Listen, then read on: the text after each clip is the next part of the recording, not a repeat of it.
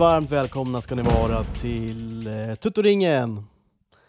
Återigen någon liten dag försenad sådär, vi skulle kommit ut igår, fredag var tanken. Eh, idag är det lördag. Så att, så här, eh, med Tuttoringen mått mätt är det väl okej med en dag försening, tänker jag. Verkligen. Vi ger oss ändå tre plus själva. Ja, men det är som det är, vi har ju båda eh, rest eh, till andra eh, breddgrader här lite grann. Och, eh, Det har vi gjort. eh, ja, men det är i vanlig ordning logistik, logistik som ska... Eller, eller hur har liksom, du, du känner lite logistiklös va? Alltså så här, det löser sig bara för dig ofta. Jo, absolut. Eh, så är det ju ofta. Men jag är ju också en väldigt disträ människa, så att jag borde nu ha någon slags struktur runt omkring mig. Eh, Ja. Men det kanske är så att om man lever liksom eh, stundtals väldigt ensamt, eh, så blir det kanske, då löser allt sig själv. För man, liksom, man har inga andra människor som håller på att organisera saker åt en. Oftast. Nej. Och då blir det kanske enklare då helt enkelt att eh, kunna, kunna, vad ska man säga, glida runt på liksom en räkmacka på något sätt. eh, men absolut, Ja. alltså logistik och eh, som jag sagt innan, ärenden, det är två saker som jag tycker väldigt illa om. Eh, Ja. Så jag försöker hålla mig undan så, så mycket från det som möjligt. En bra sås reder sig själv. Ja, exakt. Exakt. eh, ja, men det har varit härliga dagar de första. Det är, även, eh, det är lördag som sagt. Det är nu podd och sen klockan tre så är det MFF Degen, sen lite träning och sen är det Piazzan. Så att det, är, det är en fullspäckad dag. Och jag har jobbat hela Ja, morgonen framför Solheim Cup, så att det har varit en otroligt skön morgon också. Eh, har det varit. Ja. Men, som sagt, vi njuter båda två verkar som på, i södra delar av Europa. Och världen kanske också. Ja, men det gör vi alltså. Jag kom precis från lite, lite dopp här i, eh, i poolen faktiskt. Var i, var i havet igår på stranden. Eh, väldigt trevligt. Och idag är det mer poolhäng. Mm. Vilket också är himla trevligt såklart. Ja, Jag, jag föredrar, när jag var liten föredrog jag alltid pool framför havet. Ja, Jag är jätte, jag vet att det är någonting med saltvatten som jag tycker är lite, jag vet inte, inte så fräscht bara. Eh, och det kan jag väl fortfarande tycka i och för sig, men eh, ah, det är klart att ju äldre man blir kanske man uppskattar det mer. Det, fin- det är något härligt i det såklart, men det, är- jag, jag föredrar liksom Östersjön, då nere på, i östra Skåne där jag bor väldigt nära havet på sommaren. Eh, det är så rent och fint och det är väldigt kallt, 14-15, men det är så jävla uppfriskande är det. Medelhavet är en annan grej, men det är klart att man, man njuter av det, det är ett helt annat hav, en helt annan miljö. Så att, eh, jag har lärt mig att uppskatta saltvattnet då mer. Men jag är fortfarande, alltså om någon, om någon, det krävs inte mycket för mig att, ska vi inte dra till poolen då istället? Det är inte så att jag protesterar. Du, du, Ja, Medelhavet är väl egentligen, vad liksom, det, det, är ju, det är ju absolut liksom topp tre hav. Måste det ju Mm. vara. absolut. 100%. Såklart, såklart mycket bättre än Östersjön. Är det ju. Ja, jag vet, alltså om jag ska vara ärlig, det är ingen, det är ingen fråga jag dör för. Det, det är det faktiskt inte. Så det, vi säger så. vi säger så. Jag tänker, vad har vi mer? Jag, jag är ju svag för Atlanten också. Jo men det, alltså, jag tycker det är något så jävla mäktigt med stora jävla hav, så att Indiska oceanen, Atlanten, det ja, det är för mig ganska överlägset. Bara det är så jävla mäktigt, allt som finns där liksom. Eh, Medelhavet för mig är bara turism när jag tänker på det, Östersjön är ju... Nej, Medelhavet är ju bara gött liksom. Ja, exakt. Alltså det är eh, ren njutning. Det är inget alltså, mäkt- det är inget Atlanten och mäktigt så här är ju... Där kan Medelhavet man är ju liksom dö, mäktigt. alltså, liksom, Ja, exakt. är ju känslan. Exakt. Eh, Men Medelhavet, det, det, är liksom, det är liksom, det finns massa känslor man kan ha kring Medelhavet, förmodligen de flesta är positiva. Men mäktigt är ju verkligen inget ord man skulle använda. Det är det dock med Indiska oceanen. Det är ett supermäktigt Nej, men, eh, exakt. Däremot överlägset är ett ord jag ofta anvä- an, använder kring Medelhavet. Ja. Alltså, det skulle- totalt jo, överlägsna Medelhavet alltså. Ja, det får man väl Det- säga. Indiska oceanen kanske inte är det man hoppar i och tar ett snabbt dopp i.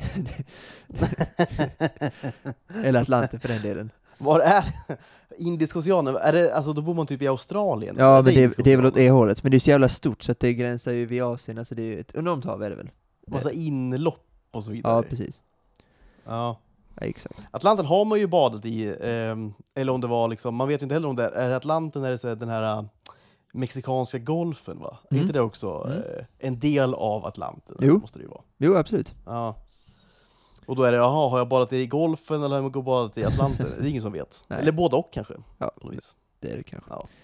Medelhavet är ett tydligare hav, på något vis. Nog om hav kanske? Nå- ka- kanske nog om hav. Vi kanske- kanske ska gå vidare. Vi har ju faktiskt ehm, vi har ju en otroligt spännande lista framför oss här. Ja, väldigt, ska- väldigt nöjd ska jag säga. Direkt. Ja, du är det? Ja, väldigt Ja. nöjd.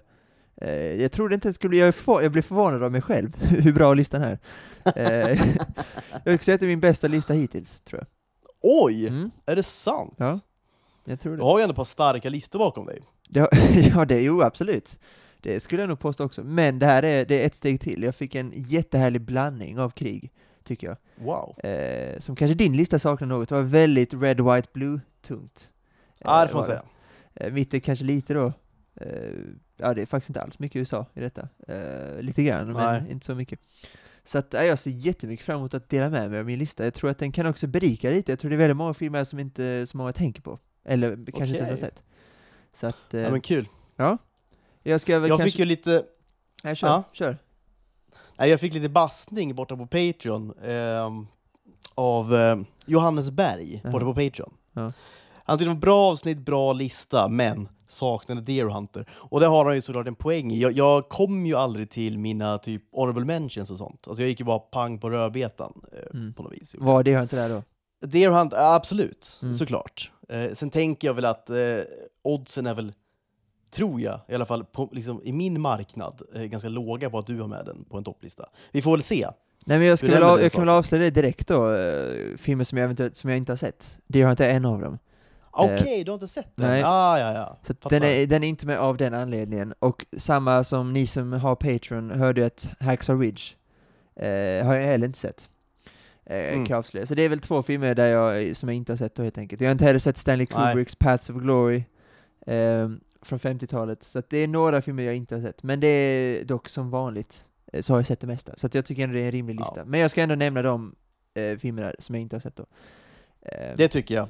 En, en film som jag ville nämna, som jag glömde också, jag hade en liten honorable mention-lista, det är ju den här, det är också på tal om 50-talet då, alltså 50-talet är ju en Alltså, man borde se mer filmer tror jag från 50-talet lite Mm. grann. Finns ja, Hitchcock och Kubrick härjade där också. Nej, men det, det Ja. finns så mycket bra grejer alltså, som man inte Verkligen. kanske tänker på så mycket. Nej. Och det finns ju en film som heter eh, The Bridge on the River Kwai, Ooh. till exempel.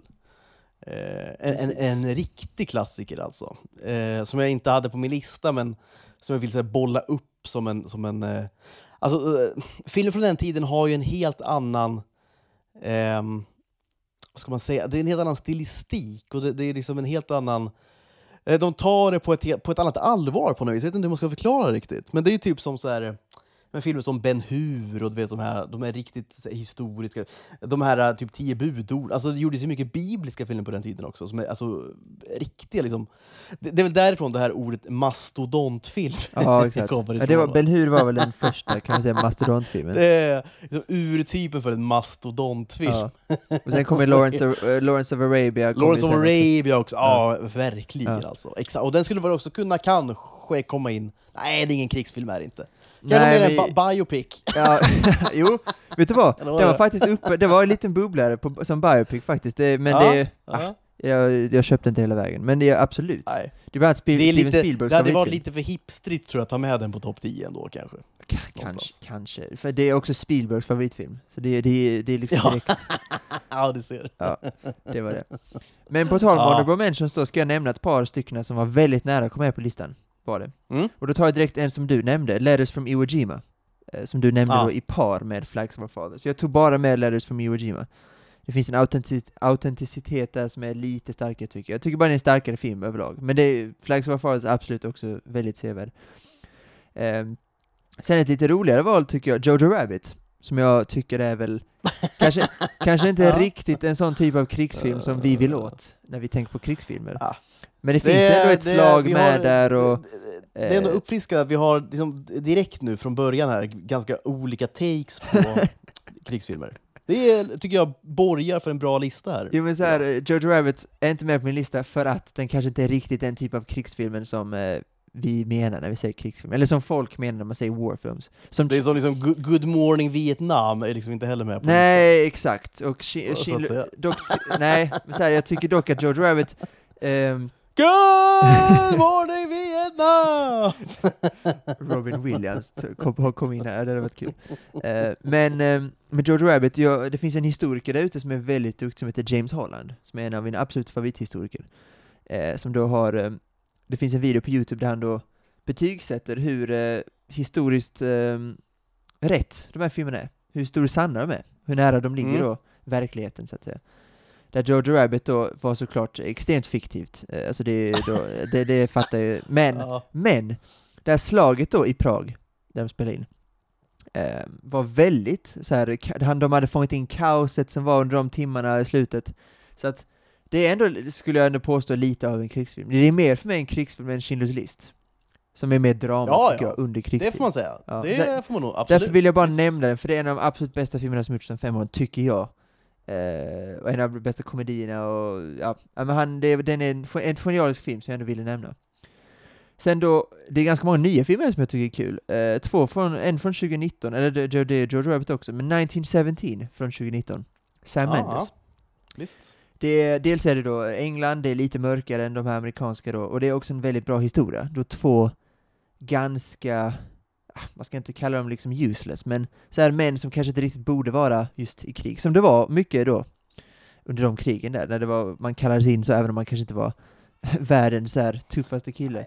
De, De- tog, de tog det de fick så att säga, Exakt. ett tag där. Och då, då ska de ta sig då och eh, lämna då ett papper, alltså lite information. Och det är så jävla, det är en bara stark berättelse, tycker jag. Och den är väldigt, Verkligen, jättebra film faktiskt. väldigt bra film, Mycket och bra eh, film. Ja. ändå lite nytt take det här, den är ju inte helt, det är inte helt sant, men det var en grej att it's, eh, det, hela filmen är en, en tagning, och det stämmer inte riktigt.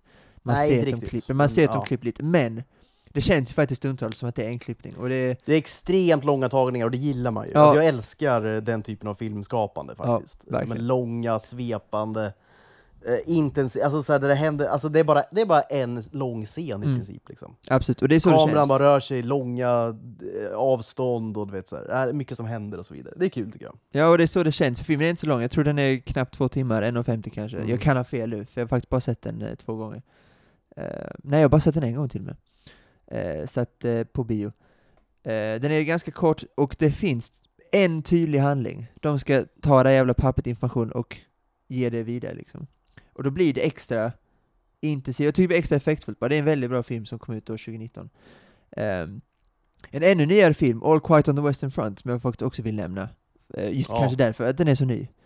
Eh, Och att den är tysk och just det här mörka, nattsvarta som vi ändå pratar om att det kanske inte är USA världsbäst på att illustrera deras filmer, eh, krigsfilmer. Det är, är ju den här mästerlig på. Eh, Extra tydligt i massa memes som har delats, de som jag pratade om också förra gången. Eh, när han, eh, de här ki- tyska killarna, väldigt unga, hur glada som helst när de blir inkallade. Sen klipper de direkt Ja. till scenen när det, han är, det är liksom lera och blod i ansiktet med en död blick, lite Oppenheimer-blick. Ehm, så det är verkligen så tydligt att krig är inte så jävla Mm. kul. Eh, och den gör de väldigt, väldigt bra.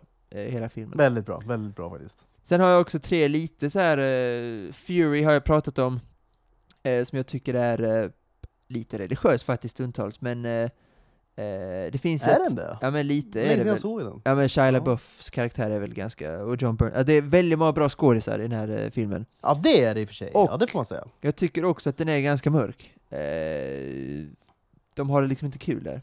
Jag tycker det är en Nej ganska det är, ingen, film. nej, ver- det är ingen garvig film. Nej, det är liksom ingen glamorös, den glamoriserar inte krig på något sätt överhuvudtaget. Och jag tycker att eh, den är väldigt bra.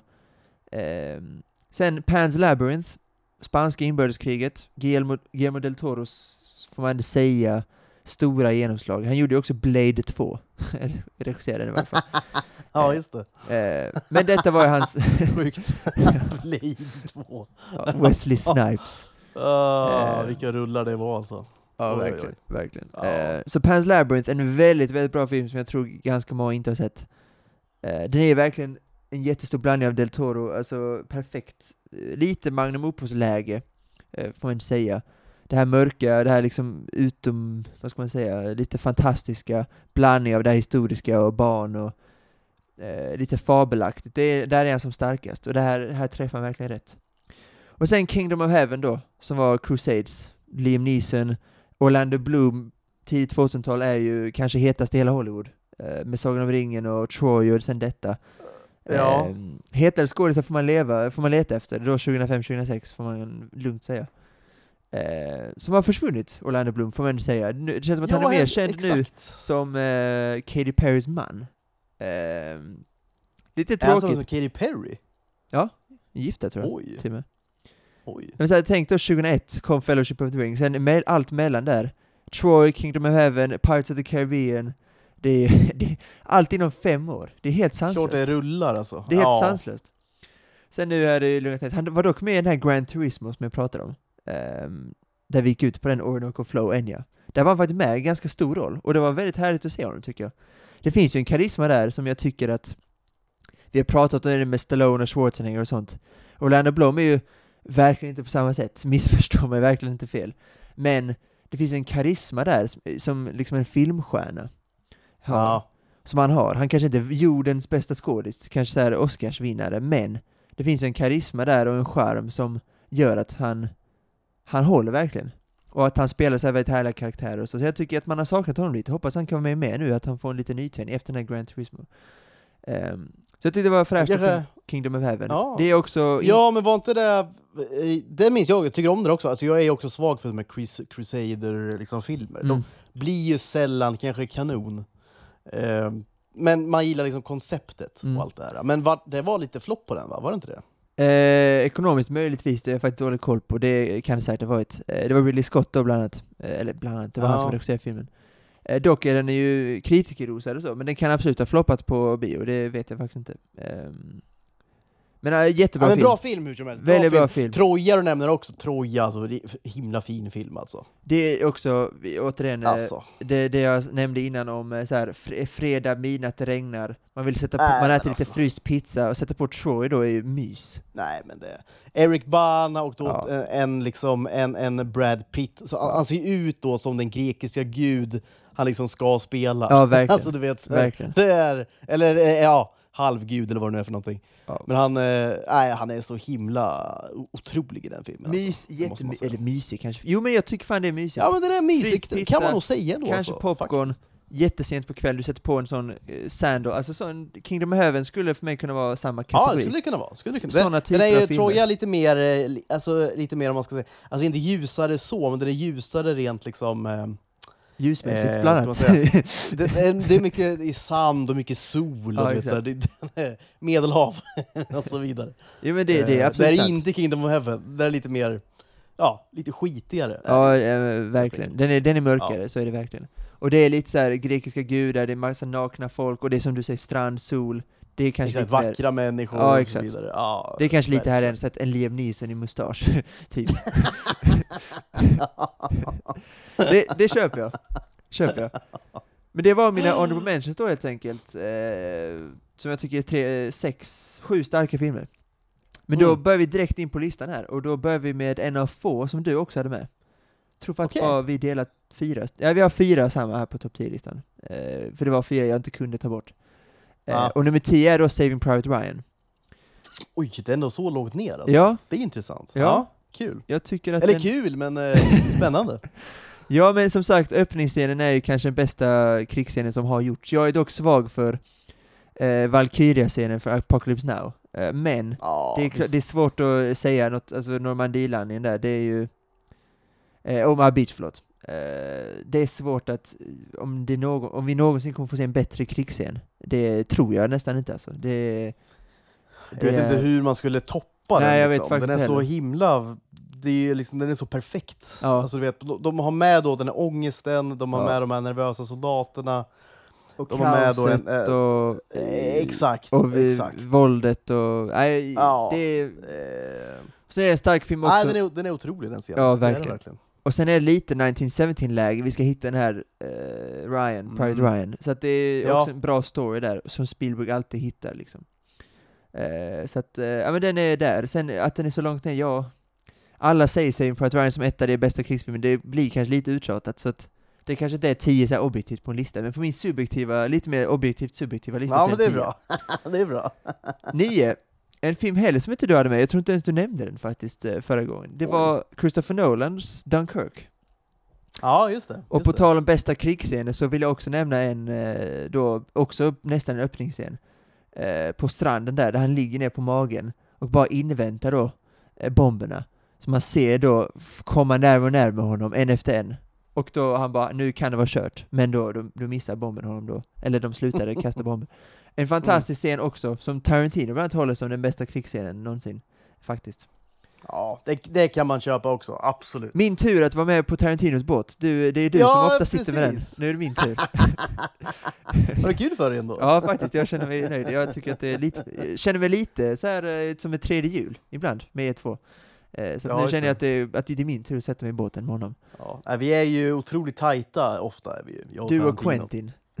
Ja, jag, exakt. Jag och Quentin. Ja, Vi, vi, vi, vi vet ju ofta vad vi pratar om, så att säga. så är det. Så är det ju. Så är det. Men nu är det min tur att ha lite vettigt att säga om film. Eh, så att Dunkirk, fantastisk film, och med Nolan, det blir ju alltid intressant med hans då tidsperspektiv, det är lite fram och tillbaka, och så vidare. Och som alltid med honom, det här lilla, lilla ökandet på slutet, som det är nu Ja. också. Eh, och många så här, den är så jävla vacker också. Den scenen när Tom Hardy står bakom hans plan då, som eh, brinner upp. Och sen blir han då tagen direkt. Ja, det är väldigt många fantastiska scener från den här filmen. Eh, ja, och en Kenneth Branagh som faktiskt är ganska bra i filmen också. Eh, exakt, Det ska det man hade inte ju det. Det får ändå vi får hyllas ändå som hyllas bör, eller vad fan man säger. Det är ju eh, starkt, tycker jag, insatt av Ja. honom. Han är ju med väldigt Ja, lite. det, det är en okej roll. Ja, alltså han är inte med så mycket, så att, alltså, han har inte, men jag tycker det han, vi får se av honom är bra. Lite som Oppenheimer, så här, fräscht inspel av honom.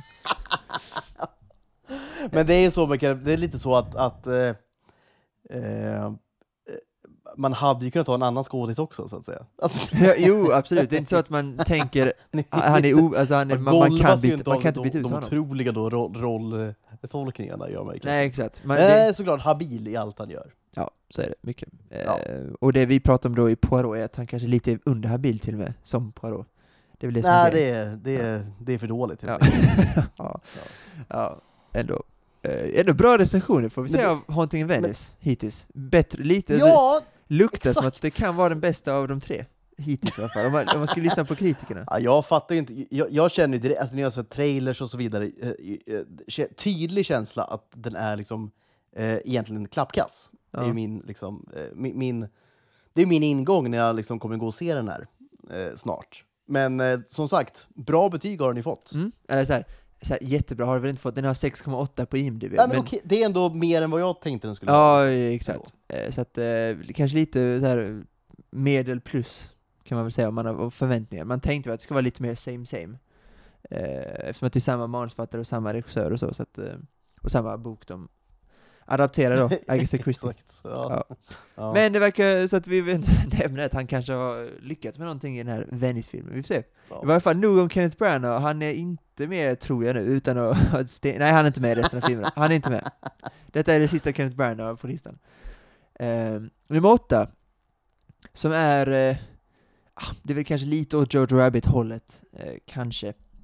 Jag har tagit upp den tidigare, tror jag, i Mm. feelgood-filmer tror jag. Eller jag vet faktiskt inte vilken lista jag hade. Men La Vita Bella Oh. hade jag med på min lista. Eh, Ja, det hade du. ja, det kanske, Okej. var perfekt, det kanske var perfekta filmer. Någon lista var det Ja, men någonting sånt. Ja. Ja, exakt. Det är ju bara en otrolig historia tycker jag. Uh, då ett barn, eller, då en judisk pappa och son, eh, och till slut mamman också, även om inte hon är judinna, uh, hamnar då i något slags läger i Italien, som var under fascism. Eh, och då han liksom ska försöka inbilla sin son att det är bara en lek detta. Eh, och då, det är så här, den här filmen hade ju kunnat falla så platt eftersom att Roberto Benigni då som spelar huvudrollen och har skrivit filmen, kanske regisserat också, jag tror fan han gjorde det. Ehm, han är en väldigt speciell människa. Eh, alltså han är ju Mhm. som den person han spelar i filmen. Han är verkligen exakt som den karaktären. Och man har, om man följer honom i Italien och så i talkshows och intervjuer och, och så vidare så är han verkligen så sprallig och märklig som han är i filmen. Så det var verkligen en right place at the right time med rätt folk. Det var, det var verkligen en home run, kan man säga. För Det var han är en också en, run, ja, precis. för det var ja. verkligen, det är en one hit wonder, han har verkligen inte lyckats med någonting efter det. eh, så att han var liksom, som vi pratade också om tidigare med Hans Landa och Christoph Waltz, han var verkligen född till att spela den här och göra den här filmen. Ja, Eh, det var det han skulle göra ja. med sitt liv. Ja, och det och gjorde han- han också. Ja, och Ja. han var kung eh, över natt i Hollywood när han eh, vann då Oscars för bästa manliga Mm. huvudroll och bästa internationella film och han hoppade och simmade på scenen och alla älskade honom där. Han, det var så han gjorde. Eh, det var hans Mm. kväll och det var, det var så han, det var därför han sattes på jorden, för att göra den här filmen och spela den här Ja. karaktären då. Eh, fantastisk film.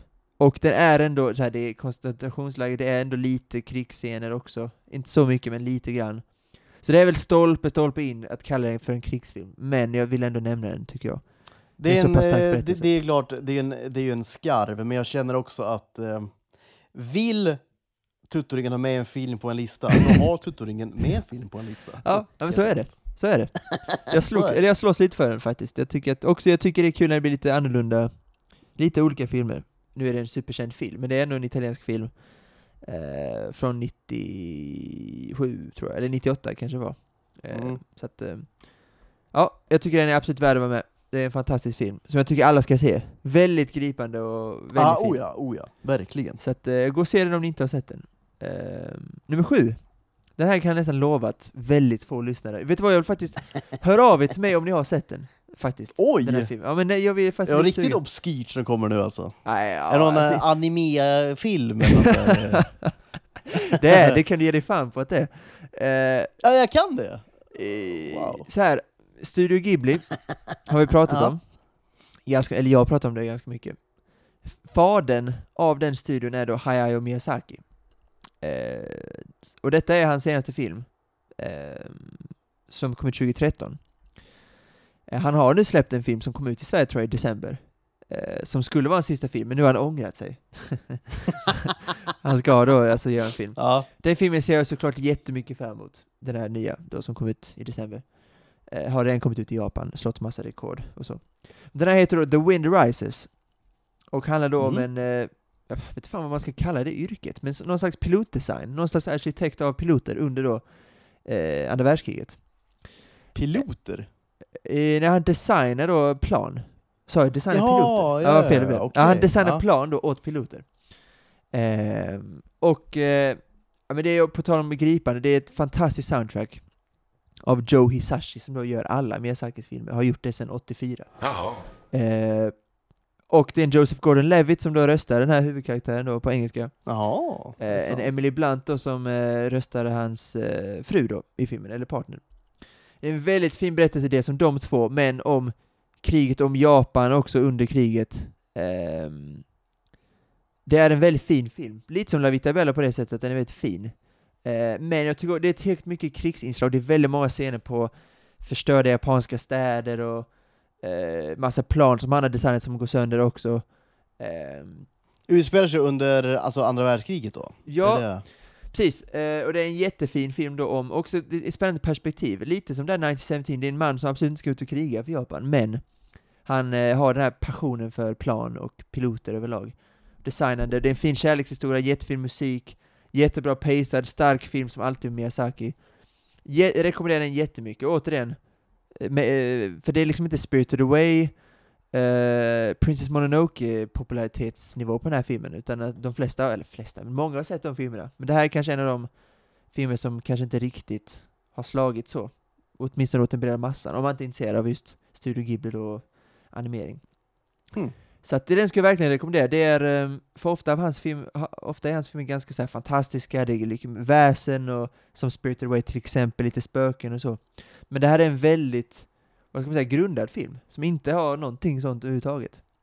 Eh, vilket jag tycker, eh, tror att många tilltalas mer av. Eh, så att eh, jag skulle verkligen rekommendera den.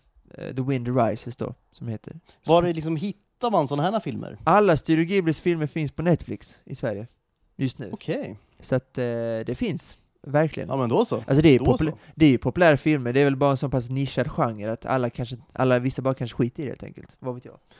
Ehm, Typ jag. ja, men Kanske man typ ska göra ett försök då? Ja men just den här tycker jag, för som sagt, alltså hans, många av hans kända filmer, Totoro, det är liksom en stor elefant, eller något slags djur.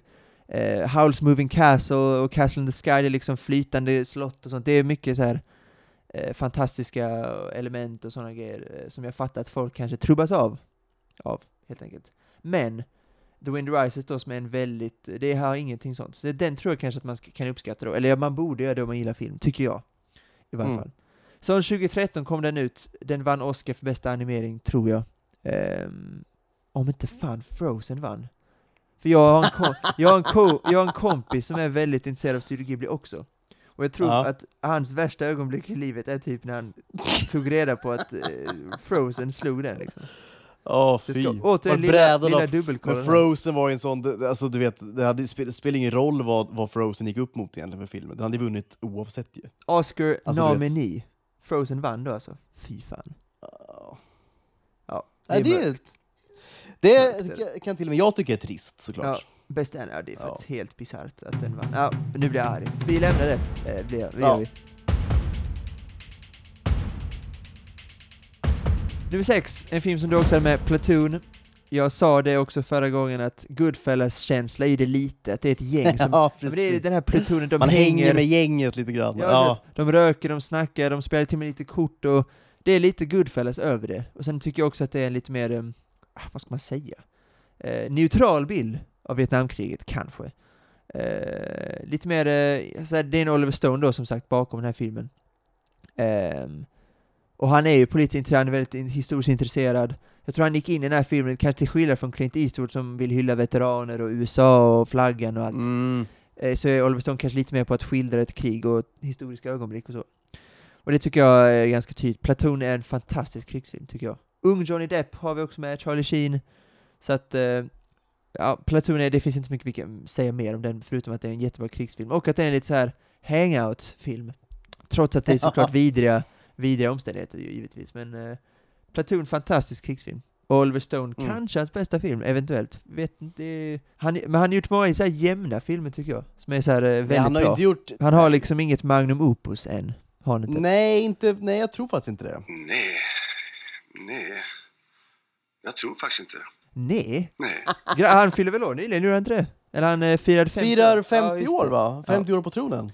Fick massa mail då från Eh. unga republikaner, där jag fortfarande är medlem. Eh, ska man skri- skriva något jävla avtal? Ska ni ut och, ska ni ut och liksom demonstrera nu? Nej men de ville att man skulle 50 års- sign, nej men de ville att man skulle signa ett, eh, alltså vi skulle skriva under något, eh, tror jag. Eh, att vi vill, Lämna in en, en sån namn... eh, Ja, exakt. Någon- någon- någon slags namnlista. Till kungen eller? någon slags Avgå namnlista. gärna tack.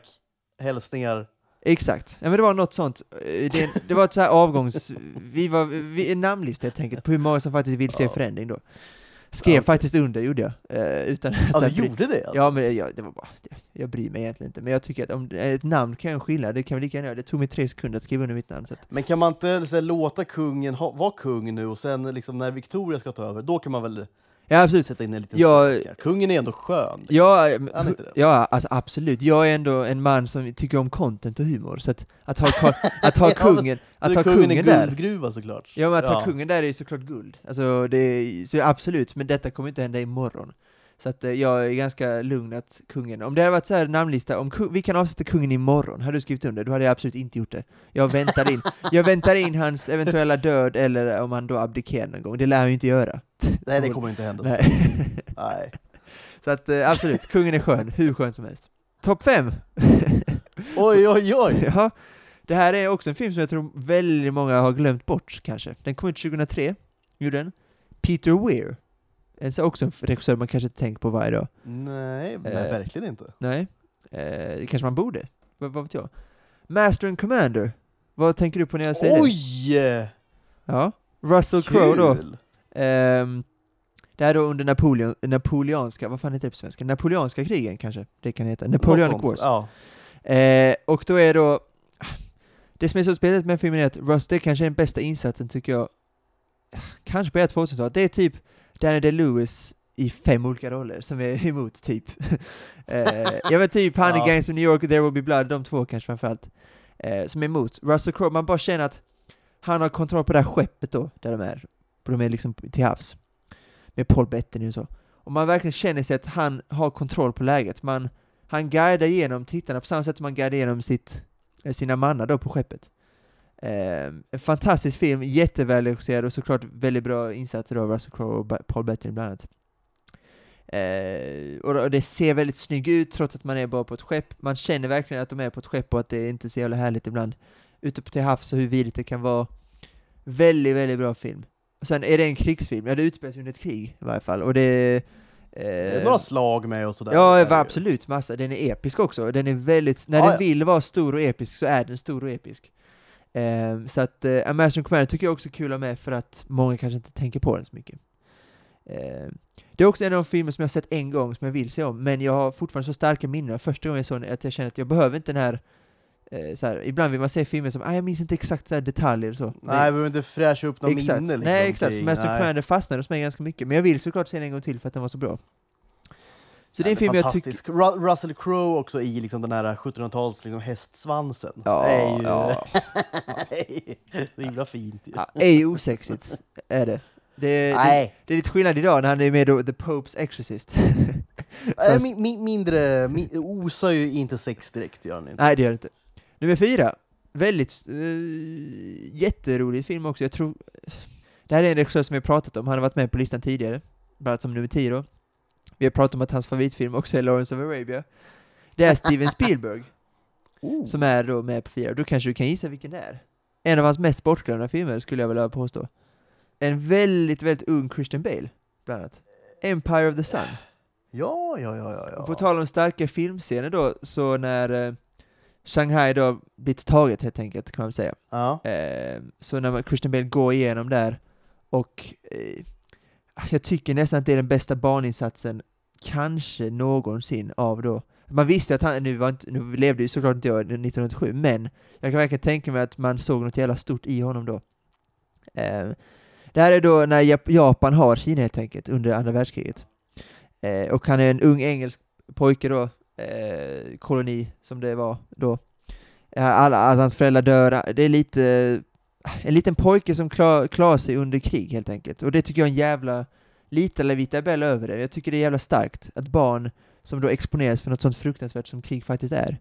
Eh, och det tycker jag inte så mycket har gjort kanske. Jojo Rabbit också visserligen, men där görs ju på ett helt annat sätt. Han är utan föräldrar då som han är i La Vita Bella, och i Jojo Ja. Rabbit som är väldigt fiktivt. så här, jag tycker det är en stark, jättestark berättelse och väldigt, väldigt välgjord. Eh, väldigt snygg, och då som sagt, den här Taking of Shanghai-sekvensen då eh, är en av de bästa krigsscenerna som har gjorts. Jag kanske inte ska säga så mycket mer, för jag tror det är en film väldigt många har missat, eh, eftersom att det är då Spielberg bland annat. Ja, den har ju gått lite under radarn, alltså inte kanske under radarn, men, men eh, det- det är ju inte sån en go-to-film egentligen, man pratar alltså, Verkligen inte. krigsfilmer. Verkligen är det ju inte. inte. Så Verkligen inte. pikt ändå tycker jag att du tog med den. Den är ju, den är ju fantastisk såklart. Den- Länge sedan jag såg den, ska Ja, sägas. ja. Men, ehm, Men det floppade jättemycket, det var en ganska liten budget. exakt. 35 Visst- visst miljoner den det? dollar, den gick in 22 Ja. miljoner dollar, så den backade ju väldigt det mycket. Och då hade den precis kommit från Temple of Doom och E.T. och sånt, så att det kanske inte, han klarade sig väl på Men den. eh, vad kan det, va- varför floppa en sån film liksom? Varför mycket liksom... ja, men det var väl eh, två och en halv Kina, timme. Japan och det var... Alltså, dels så det är, varit liksom? så fort eh, krigsfilmer handlar in, inte handlar om USA så blir väl amerikaner då kanske... Det bara- är det jag tänker, då skiter de i den liksom. Ja men lite så. Eh, det är Japan, Kina och det är England, så det är liksom ingenting med USA att göra. Det. Ehm, Och eh, då har vi då, i och för sig, de är med, de hjälper till där såklart, de är ju såklart supermotståndare till Japan i och för sig. Eh, men det är som sagt inte tillräckligt mycket USA då kanske för dem, för deras eh, sak. Eh, varför den floppar med två och en halv timme lång, eh, den är ju rätt långsam, det får man väl ändå ge den på något sätt att den är långsam. Mm. Eh, men så här sex Oscarsnomineringar, så att den är, det, det är en fantastisk film. eh, ja, men jag vill inte säga så mycket för jag tänker att folk ska hitta upp, leta efter denna. Det, är- Mm. Det är nog en film som väldigt många har missat. Så vilket är synd eftersom att det är Spielberg, och jag tycker att den är väldigt, väldigt bra. Och det är någonting med barn under krig, han liksom träffar folk på vägen, dels Precis. militär och så här. Det tycker jag är en väldigt bra idé överlag bara. Och, det, och Christian Bale är fantastisk, han är ju inte gammal, han är väl typ 10 år max tror jag. Eller typ 10 bast kanske. Ja, någonting. exakt. Ja, något helt otrolig. Ja. Så Ja. Empire of the Sun, en väldigt, väldigt bra film. Ehm, nu har vi topp tre här. Eh, ja, verkligen. Eh, två av dem har du haft med på din lista. Eh, Ja. Det är nummer tre Är det, är det Three Kings? Nej, det är det faktiskt inte. Eh, tyvärr. Eh, men, dock Full Metal Jacket är nummer tre. Eh, fast, otro, alltså den första 45 minuterna är så intensiva. Och jag tycker väl ändå, nu har jag inte, eh, som är ganska enkelt att förstå, inte varit med i en sån situation. Men en sån tuff löjtnant, eller vad fan man ska säga, som leder det här unga gänget. det kan man ju tänka, man kan verkligen föreställa sig, och han, är, han var ju det på riktigt, den här eh, Exakt. Eh, nu minns jag inte vad han heter. Eh, Private, eh, vad fan hette han? Inte Lyle, det var ju Vincent D'Onofrio, men han hette något i varje fall, det spelar ingen roll. Sorry Eh, Hartman. exakt, han spelar sig själv i princip. Eh, Men gör- han fick ju, han, han var ju, han var ju anställd då som att han skulle instruera då typ, eh, Nej men som instruktör typ. Liksom. Exakt. För att lära liksom, skådisarna hur man gjorde och sådär. Sen tyckte ju Kubrick han var så himla bra liksom. Då fick han- Då fick, fick han vara med i filmen. Ja, ja det är så kanske jag det hade inte jag koll på. Ja, han var liksom ingen anställd som typ instruktör från början. Ja. Så gillade Kubrick honom så himla mycket. Så Ja. fick han liksom vara med i filmen istället. Ja. Men det är som har fantastiska sekvenser de här första tre kvarten då när eh, Alltså de här sångscenerna, kampsångerna, är ju, det är helt fantastiskt. De, de håller på så här två, tre minuter ibland. De bara, fort, det bara fortsätter och det är samma tagning som Ja. följer eh, med hela Det är vägen. rolig också. Mm, good. Feel good. Good for you. Good for me. Good för mig.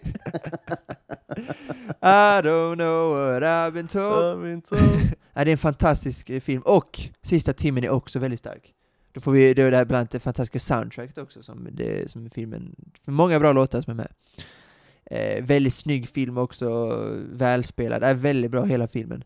Eh, Ja, det är den. Det känns väldigt abrupt på något sätt eftersom att det går verkligen från det intensiva till lite en annan del av filmen, det är ett par månader senare, eller något år, kanske till och med. Exakt. Ja, det är, men det är som du sa sist, det är liksom ja, det, är, två tydliga delar liksom. Mm. Det, det är det. Ja. Är det Eh. Men det funkar väldigt bra. Så att Full Metal Jacket kanske är en väldigt unik krigsfilm också, därför är det väldigt lätt att särskilja den och ha den högre upp eh, än Ja. andra filmer. Så att Full Metal Jacket är en ja, milstolpe för krigsfilmer får man ändå säga. Den kom ut samma år som Empire of the Sun. Kan väl också ha varit en liten anledning kanske till att Empire of the Sun floppade lite, jag vet inte. Eh, Kanske. vad, vet, Ja. vad vet jag. Nummer två. Vi ska återigen till Studio Ghibli, ska vi. ja, det är så alltså. Ehm, Wow. För då det finns, kan man säga, två stora eh, regissörer då i den här studion. Det är nästan bara de som har gjort filmer. Inte bara, men nästan. Och då finns det då Miyazaki som är lite mer de här fantastiska, Spirited Away och Spöken och eh, Spirits och allt sånt. Eh, Mm. flyg, pratande djur och flygande slott. Det är lite mer Miyazaki. men den här Isao, Lite mer svårsmält för eh, vuxna människor. mig och Ja, den stora, kanske, stora publiken. Exakt. Ja. Det, och det förstår jag också. Eh, Men då den här andra killen då, som är, vad kan man säga, den andra fadern då av Studio Ghibli, heter då Isao Takahata. Eh, och han Bra då, uttal! ja, Säg det igen. Isao Takahata. Arata. Ja. Om man kollar mycket på japanska anime så hittar man de här lilla, lilla grejerna. De här lite, där de, de lägger sig på, ofta på vokalerna då, ah, eller e.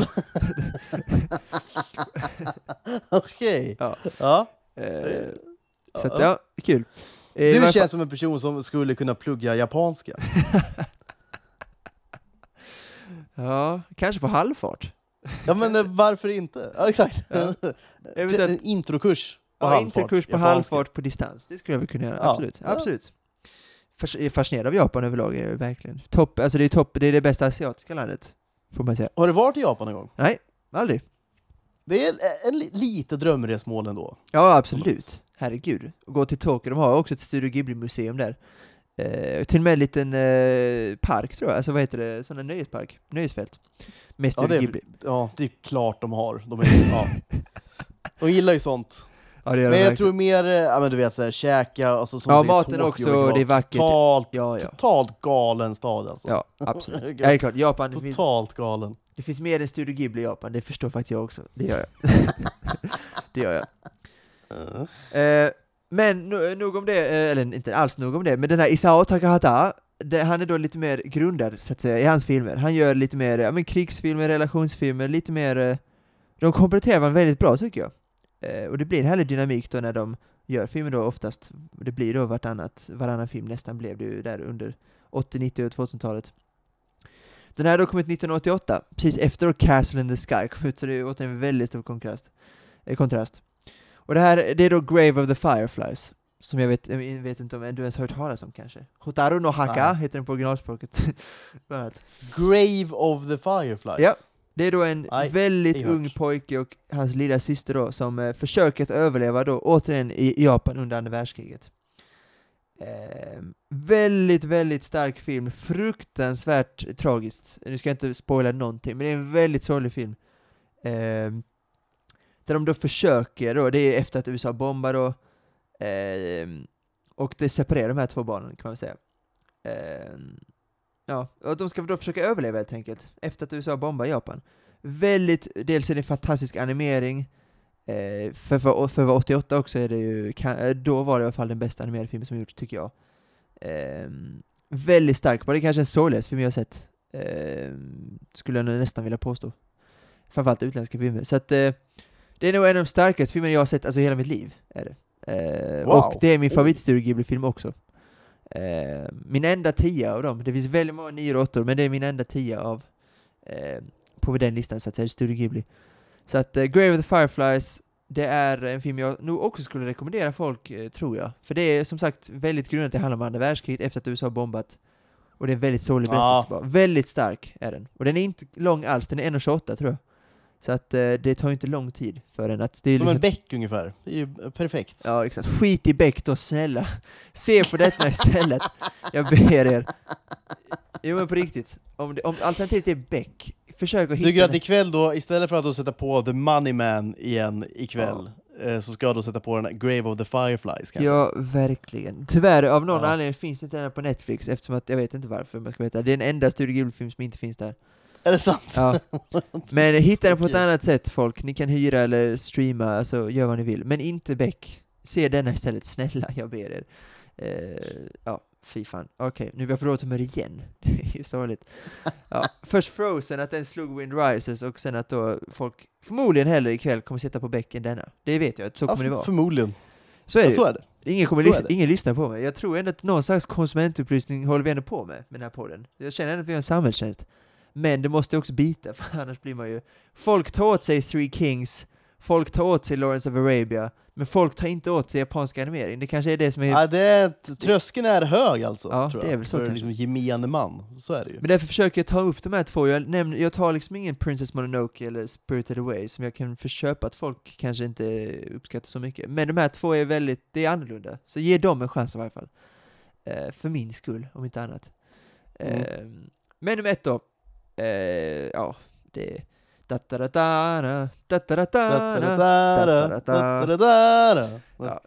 Det är Apocalypse Now, det är The Ja. Final Cut. Eh, har jag ändå valt om jag måste välja någon av dem.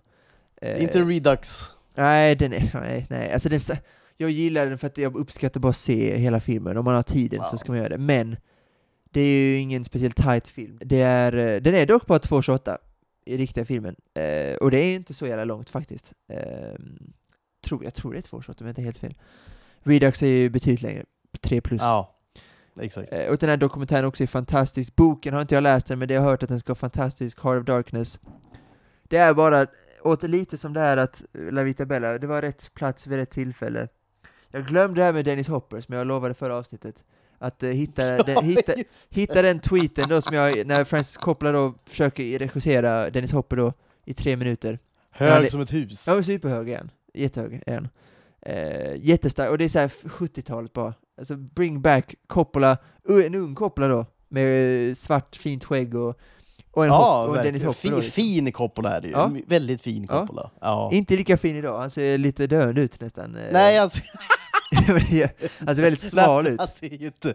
Han ser, väl, han ser uh, väldigt skröplig är han ju. Jo men, Skör och, och jo, men man jämför med Ja. liksom Jack Nicholson som vi pratat om, som ser... Eh, Vital, viril. Han ser, ju, han, ser, han ser ju risig ut, men han ser ju stark ut. Exakt, han ser extremt risig Ja. ut, alltså fet och håret liksom är överallt. Eh, men han ser ändå vital ut på något sätt. Han Han är är där stark. Han, han har ändå, du vet, eh, floor seats på, på Ja, ja. himla Han sitter där, han sitter där med Adam. Sandler, träffar säkert tjejer, han är säkert inte gift, han träffar säkert mycket yngre tjejer och har liksom, eh, gör vad han kan, om ni fattar vad jag menar. Eh, Så Det, ja, finns det en, tror jag verkligen han gör. Ja, det, det finns en vitalitet där som Coppola inte har, han ser mer ut Som som... inte finns hos Coppola. Nej, men han, han väger typ... Det känns som att han väger typ 63 kilo just nu. Eh, Ja. Han håller på med sin nya film då som han försöker eh, marknadsföra som hans Magnum, Magnus, Magnum Opus då. Megalopolis heter den, med supercast med Adam Driver och eh, några till eh, tror jag. Kommer den liksom färdigställas tror du?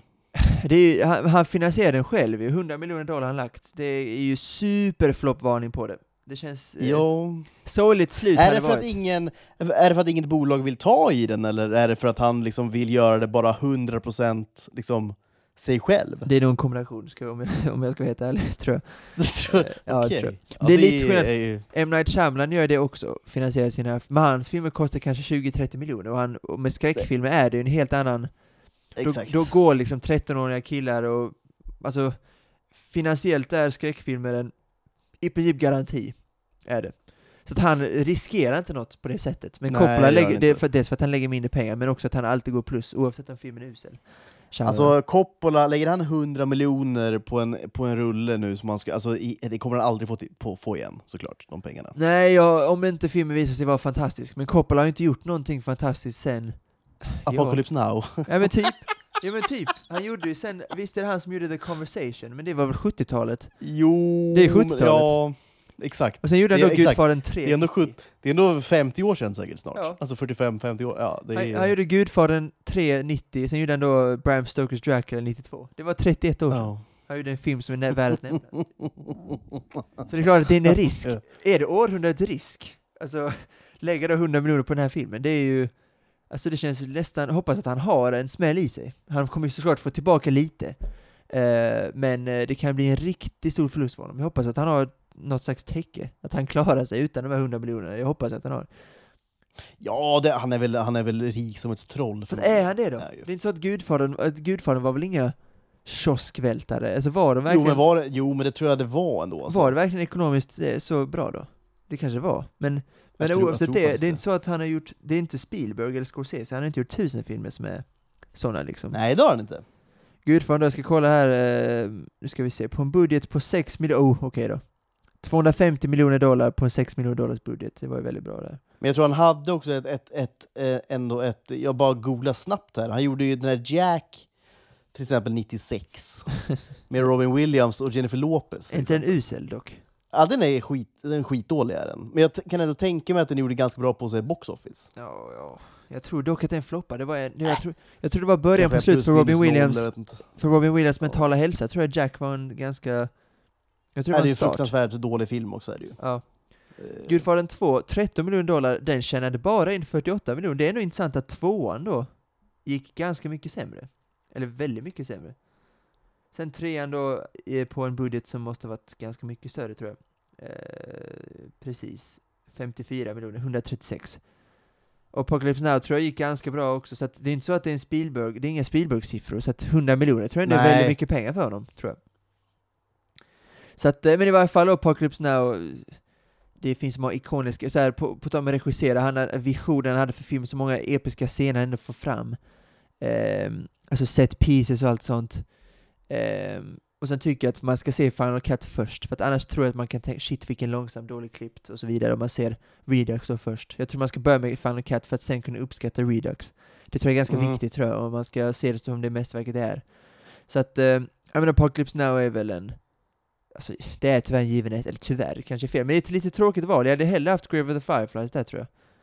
Ehm, jag kanske ska byta det i realtid, ska jag göra det? Ska du göra det? Ja, jag, gör, jag vet vad, jag gör det fan det alltså. Det är, Ja. ja. ja. Känns bra. Hotaru no Haka. Det känns det bra att byta i realtid? Ja, Ja, det gör det faktiskt. Det är Du gjorde en det otrolig också? Du känsla, gjorde väl också alltså. det, gjorde du inte det? det gjorde jag. Fantastisk känsla är det. Grave of the Fireflies. Skriv in det här, ska jag skicka det till dig så du lägger upp det på patronen. Ja, det ska upp på Patreon, det ska det upp. Eh, som- alla våra listor ska upp. Precis, och det är de flesta Ja. är väl uppe nu, det är de två senaste, Biopics och eh, de här som inte är uppe, men de är väl uppe väldigt snart tror jag. Ja, det är de. Väldigt, som sagt, du, hur skulle du recensera min lista? Och du får kanske inte vad du håller med, hur, tycker, hur fräsch tycker du att listan är och hur, så här, objektivt? Inte för att du inte hade haft Eh. många av de här filmerna, men för att eh, en lista som en lista bör vara, så att säga. Nej, men jag, tycker det var, det var, jag tycker det var fint att du hade med det här lite alltså folkbildande eh, alltså drag, eller vinkeln liksom. Ja, Att du ändå nämner filmer som du tänker att de, de här filmerna har nog inte så många sett, men borde se. Och Ja. det är inte bara de här då, eh, anime... Eh, heter det anime eller? Är det, är det ett skällsord eller? Nej, det är det men, väl inte? nej men det är väl anime sett, men man associerar nog anime lite grann till så här manga, så här serier som är lite så här Ja, obskyra. Eh, Exakt. Och det är att- lite fel eller? Alltså det är en anime tekniskt sett, men jag tror att om man säger anime så är det mer japanska tv-serier som är lite sjuka. Alltså, som man... Jag ja, det tror är att, det jag tänker mycket. Exakt, Alltså, man det är det, tänker att ja. stereotypen är att det är liksom kvinnliga lärare med jättestora bröst och så här inzoomningar på killars reaktion som svettas, alltså den typ av manga, det är mer manga. Ja, vad, vad Manga är hette den här som man såg på när man var liten? ja, lite så. Moon, eh, vad heter den? Ehm, finns den bara inte ens- eh, Det finns bara inte en som heter blonda tjejen. blonda tjejer. Eh, Moon någonting. Är inte Eh. Winx, Winx Club, är inte det någonting sånt? Eller? Nej. Manga är ju då alltså böckerna, eh, och anime är då eh, TV. Och då är det oftast de som adapterar då de här eh, manga-böckerna då, och så gör de det in till i serieform. Så att, an- animering, är- det är egentligen bara en tecknad film, fast sen säger man väl anime bara för att det är Japan. Det är väl det som är lite slarvigt i folkmun kanske. Men det är inte fel att säga anime, men jag skulle inte säga det i varje fall. Moon. Eh, Lite nyfiken på vad det kan vara. Moon. Jag, tänk, jag tänker bland annat på Prison School. Eh, det är väl den enda manga sen jag typ har sett, som är sjuk i huvudet såklart. Moon. Så snackar vi Nickelodeon eller något sånt nu? Det var... Nej, men det var ju så här. Nej, det var det inte. Ja, det är nog japanskt. Det är någon tjej som heter någonting Moon, hmm, hmm, eller hmm, hmm, Moon. Ban Ki-Moon. FNs före detta ordförande var... Exakt. Ja. Ehm, Ska vi säga att nej, om, skit- om, lyssnarna vet vad, om lyssnarna vet vad Kim pratar om så får ni återigen skriva till oss. I samma Ja. mening, och förmodligen, gissar jag, om den här lyssnaren då vet vem du pratar om så har han förmodligen sett, eller hon, sett Wind Rises. Ska jag gissa? Jo men kanske. Samtidigt har jag sett den här och jag har inte sett eh, den filmen. Nej. Alltså det är alltså, det gick, på 90-talet måste det ha gått. Alltså, Okej. eh, det handlar om en, en, en blond tjej som hette någonting med Moon. moon, hmm, eller hmm, Moon. Ja, det, det, ja. det, Nej, men någon, någon lyssnare tror ju ändå, som är runt min ålder, tror jag ändå har, har koll på det här. ja, vi hoppas, vi hoppas. Ja, vi Nu- hoppas verkligen. Nu ska degen krossas, Kim. Eh, ska ni göra. Ja. I eh, den guldstriden som just nu pågår i Allsvenskan. Sen ska piazzan eh, intas. Intas. Det ska den verkligen göra. Ja. Bord ska slaktas. Toscanas ska konsumeras. Tosca, Toscano ska brytas av och rökas. Exakt. Det kommer att hända, men först ska degen slås. Det påverkar, alltså såklart, min kväll påverkas givetvis av hur den här matchen kommer att sluta. Efter Österrike-matchen så gick jag ut själv. Jag förberedde mig på lördag då mot Estland. Vi går ut efter detta, för det var en lördag också. Vi går ut efter detta om det då skulle skita sig, vilket det fanns risk för då. Sen blev det ganska enkelt för så då blir det firande då helt enkelt. Ehm, man byggde upp lite entusiasm. Fan det är så bra ut, Jöken och Isak och alltså det är så fint ut. Det, det, vi kanske slår Österrike. 1-3 baken och gick ut själv. Satte mig bara på, satte mig på Ariman, som heter det, i, i Lund. Och eh, drack det ganska mycket tills jag kom hem, själv. Ehm, så det, det, är- det, det är ju två helt olika då, liksom, eh, Det kvällar. var en solodimma. Verkligen. Den är fin också. Fruktansvärt fin var den. Eh, och det Ja, kanske blir alltså, så idag det- också, det Kan, men är det kan, inte det kan den vara. Eh, Kan, den, kan den verkligen vara. jag är inte själv dock ikväll, och det är inte så att de har koll på Degerfors, Det- Stora Valla, fin Nej, men det är arena. så här, en, eh, alltså, ensam-grejerna är ju underskattade generellt alltså. Jag Verkligen. älskar ju till exempel en ensam lunch eller eh, eh, framförallt kanske en ensam bio, alltså du vet 13.30-bion Åh. själv. Ja. Nej men du vet, det är... Det är bara, det är bara, det, är bara studenter och pensionärer typ som kan göra det.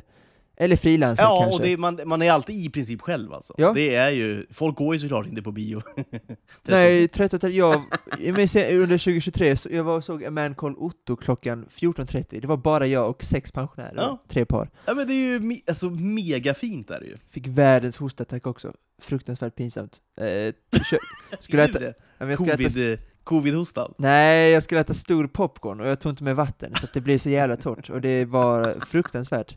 Mitt typ när Otto skulle hänga sig första gången också. Det var ju väldigt dålig timing på, på eh, hostattacken. Då började du hosta en Ja, kvart. ja, Ja, precis. det är ju... Sen var jag såg premiären Men vadå, vadå? Du ställde alltså in en popcorn men ingen dricka? Nej, jag, lite ekonomiskt. Jag, så köpa, dricka känner jag mig... Det, I Sverige har vi så jävla gott kranvatten. Så att alltså, att slösa, slösa pengar på dricka Du tar med dig eget vatten in. Ja men, det, men det, efter det har jag gjort det, då har jag med min vattenflaska in. jag tycker bara att i ett land som Sverige där vi har skitgott kranvatten så ska man liksom inte slösa pengar på att köpa vatten. Så att det enda, det enda drickan jag köper Men man är dricker typ... inte vatten på en biograf, Malte. Nej du, du har, såklart, du har en, såklart en stor cola, känns som att du beställer in. Ja, såklart. Ja, ja såklart. Nej, jag förstår det, jag förstår din poäng. Men jag försöker, eh, alltså om man ska komma ner 600 kronor på matbudgeten i, i månaden så måste man jobba för det också.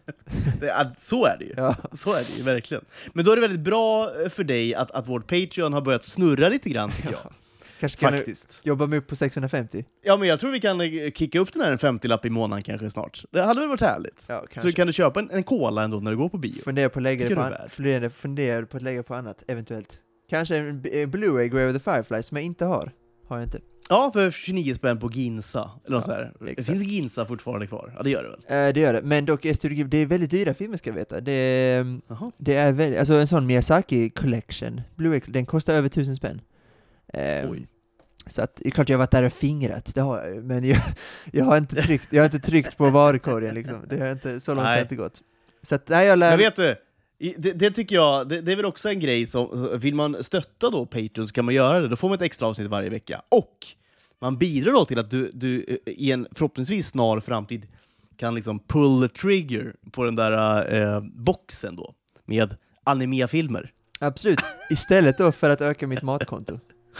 Exakt. Ja, ja, det och låter mycket och bättre. att du, att du kan kosta på dig en cola också när du går på bio, tycker jag ändå är viktigt. Vi får se. Ja. Jag är svag för vattenflaskan under, eh, jag vet, alltså jag vet inte ens om man får det. Det kanske man inte får. Jag tror inte, nej men det är en kul eh, eh, Seinfeld-scen, när, då Kramer eh, har börjat dricka kaffe latte. Han hinkar i sig då, kaffe latte. Som han då menar, han då började med den, den trenden såklart. Ja, säkert. Och ska han då ha med sig då, out, you're gonna take outside coffee to the, to the, to the cinema? Just det, det det. Stoppar ner i brallan och bränner sig. ja.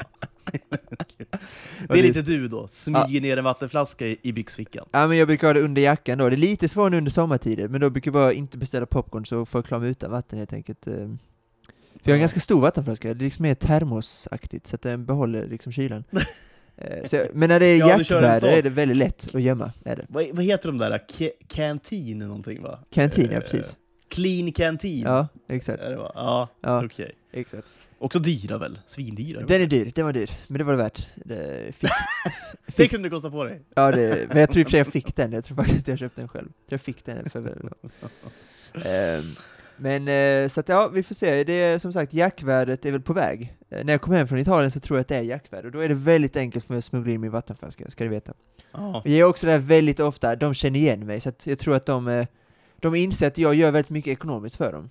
Så att jag Ja, tror att de. De ser mellan fingrarna med ditt Ja, vatten. eh, kan, om de då skulle notera vattnet, vilket de kanske har gjort då eventuellt någon gång, så kanske de bara känner att låt han.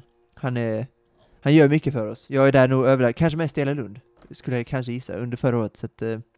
Ja. jag får kanske smuggla in vatten, jag har tillåtelse av Lunds biograf då, Filmstaden. Nu du Kim, nu ska du spela. Du valde Woolly Bully förra gången, vilket rimligt, ja, det gjorde jag. rimligt är det såklart. Men, nu kommer ju Rise of Valkyrie såklart, av Wagner. Vi blir, vi blir inte av med den. Vi ska, den ska spelas. Mm. Ska den. Det ska Ja. vi. Eller eventuellt, fan. Jo, det ska den. Jag funderar lite på temat då till The Wind Rises som är ett jävla toppen-tema. Fan. Vad tycker du? Ja. Du får välja. Nej, jag, jag tycker nog... Eh, jag tycker... Eh, Fight of the Valkyries. Ja, det tycker jag. Eh, Det tycker jag. Det, tycker. Det blir den, jag. det är helt klart jag tycker. Nästa gång får jag ta in Wi- Wind Rises-temat. Väldigt fint tema är det.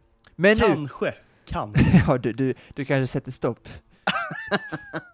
du vet vad folket vill ha och inte vill ha helt enkelt. ja, så är det. Ja, så är det. Jag är en man av folket ändå. Så är det. Så är det. Ja, så är det. Tack för att ni har lyssnat allihopa. Vill ni så hörs vi igen på onsdag, eh, borta på Patreon, där vi också lägger upp alla våra listor. Och det, det är också det som bidrar då till, till eh, förhoppningsvis Maltes matkonto lite grann. Att det kan eh, kickas upp lite grann. Eh, vill ni inte det så hörs vi igen om en vecka. Vi älskar att ni lyssnar. Ta hand om er. Vi hörs snart igen. Ciao allihopa! Ciao, ciao, tutti.